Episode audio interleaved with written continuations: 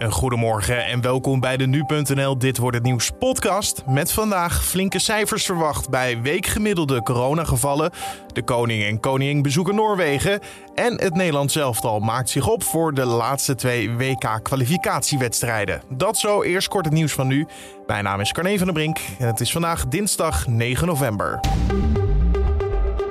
Anders dan vorig jaar kunnen alle kinderen donderdag tijdens Sint Maarten weer met lampionnen langs de deuren.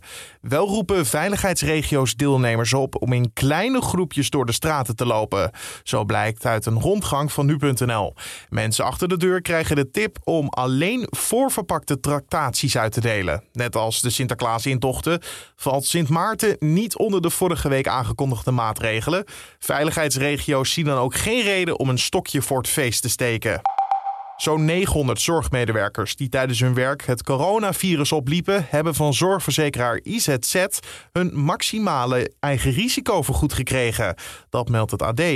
De zorgverzekeraar probeerde dit vorig jaar al te regelen met de overheid. Toen dat niet lukte, besloot IZZ het zelf te regelen voor haar leden. De zorgverzekeraar ziet bovendien dat steeds meer zorgverleners langdurig klachten houdt en heeft daarom besloten om ook volgend jaar het eigen risico terug te geven.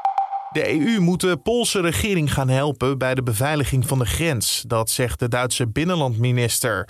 Langs de grens van Polen met Belarus dreigt een massale doorbraak van vluchtelingen. Ze zijn door Belarus opgehaald om ze vervolgens door te sturen naar het westen. De Belarussische dictator Lukashenko wordt ervan beschuldigd Europa te willen destabiliseren door migranten binnen te halen en dan weer door te sturen naar het westen.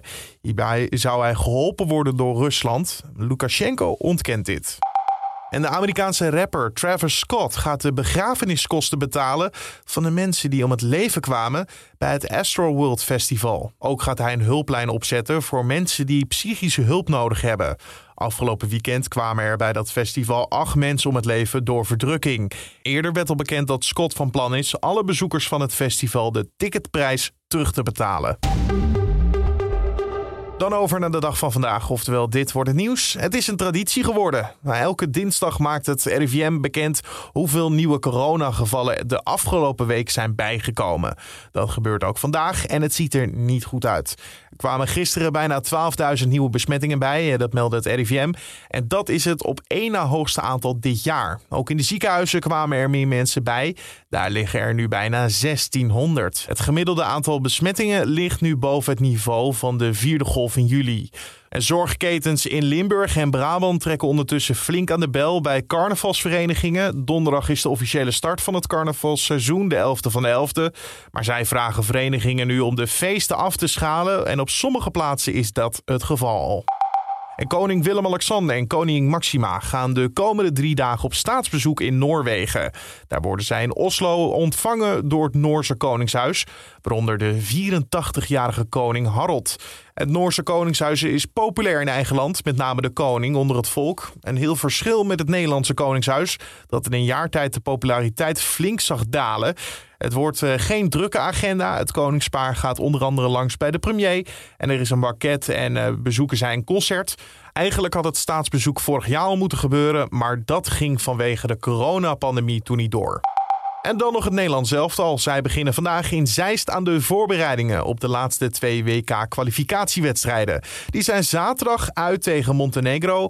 En volgende week dinsdag is de laatste tegen Noorwegen thuis. Normaal gesproken komt Oranje op maandag al bij elkaar voor de training. Maar bondscoach Louis van Gaal gunde zijn spelers een extra dag rust. Omdat de eerste wedstrijd zaterdag pas is. Oranje staat momenteel bovenaan in groep G met twee punten voorsprong op de nummer 2 Noorwegen. En mocht Oranje definitief eerste worden in de pool, dan plaatsen zij zich ook direct voor het WK in Qatar, dat volgend najaar is. Dan over naar het weer van vandaag, wat het gaat worden. Je hoort het van Laura Ozinga van Weerplaza. Vandaag staat opnieuw rustig herfstweer op de planning met een afwisseling van wolkenvelden en flinke zonnige perioden. De meeste bewolking komt voor in het noorden van het land en daar kan misschien nog een spatje regen uitvallen. De temperatuur is heel gemiddeld voor de tijd van het jaar en komt rond een graad of 11 uit.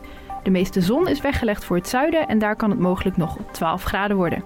De wind uit het zuiden is meest matig van kracht.